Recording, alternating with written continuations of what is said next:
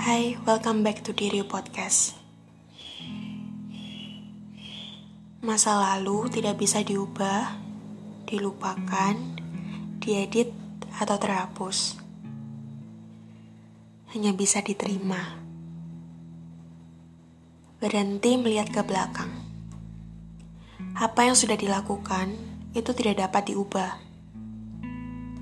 Tapi itu dapat digunakan sebagai pelajaran untuk bergerak maju, sebagai pengingat tentang apa yang layak dan apa yang harus dilakukan.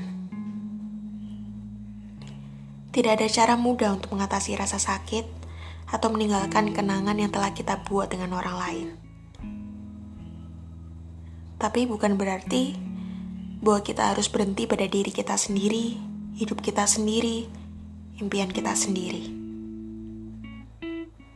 kita masih layak untuk mendapatkan cinta dan kehidupan yang kita inginkan dan impikan. Dan itu dapat mulai dengan melepaskan dan melihat ke depan. Perubahan dan pertumbuhan itu memang kadang menyakitkan. Tapi tidak ada yang sesakit dan serugi jika kita tetap terjebak di suatu tempat yang bukan tempat kita lagi.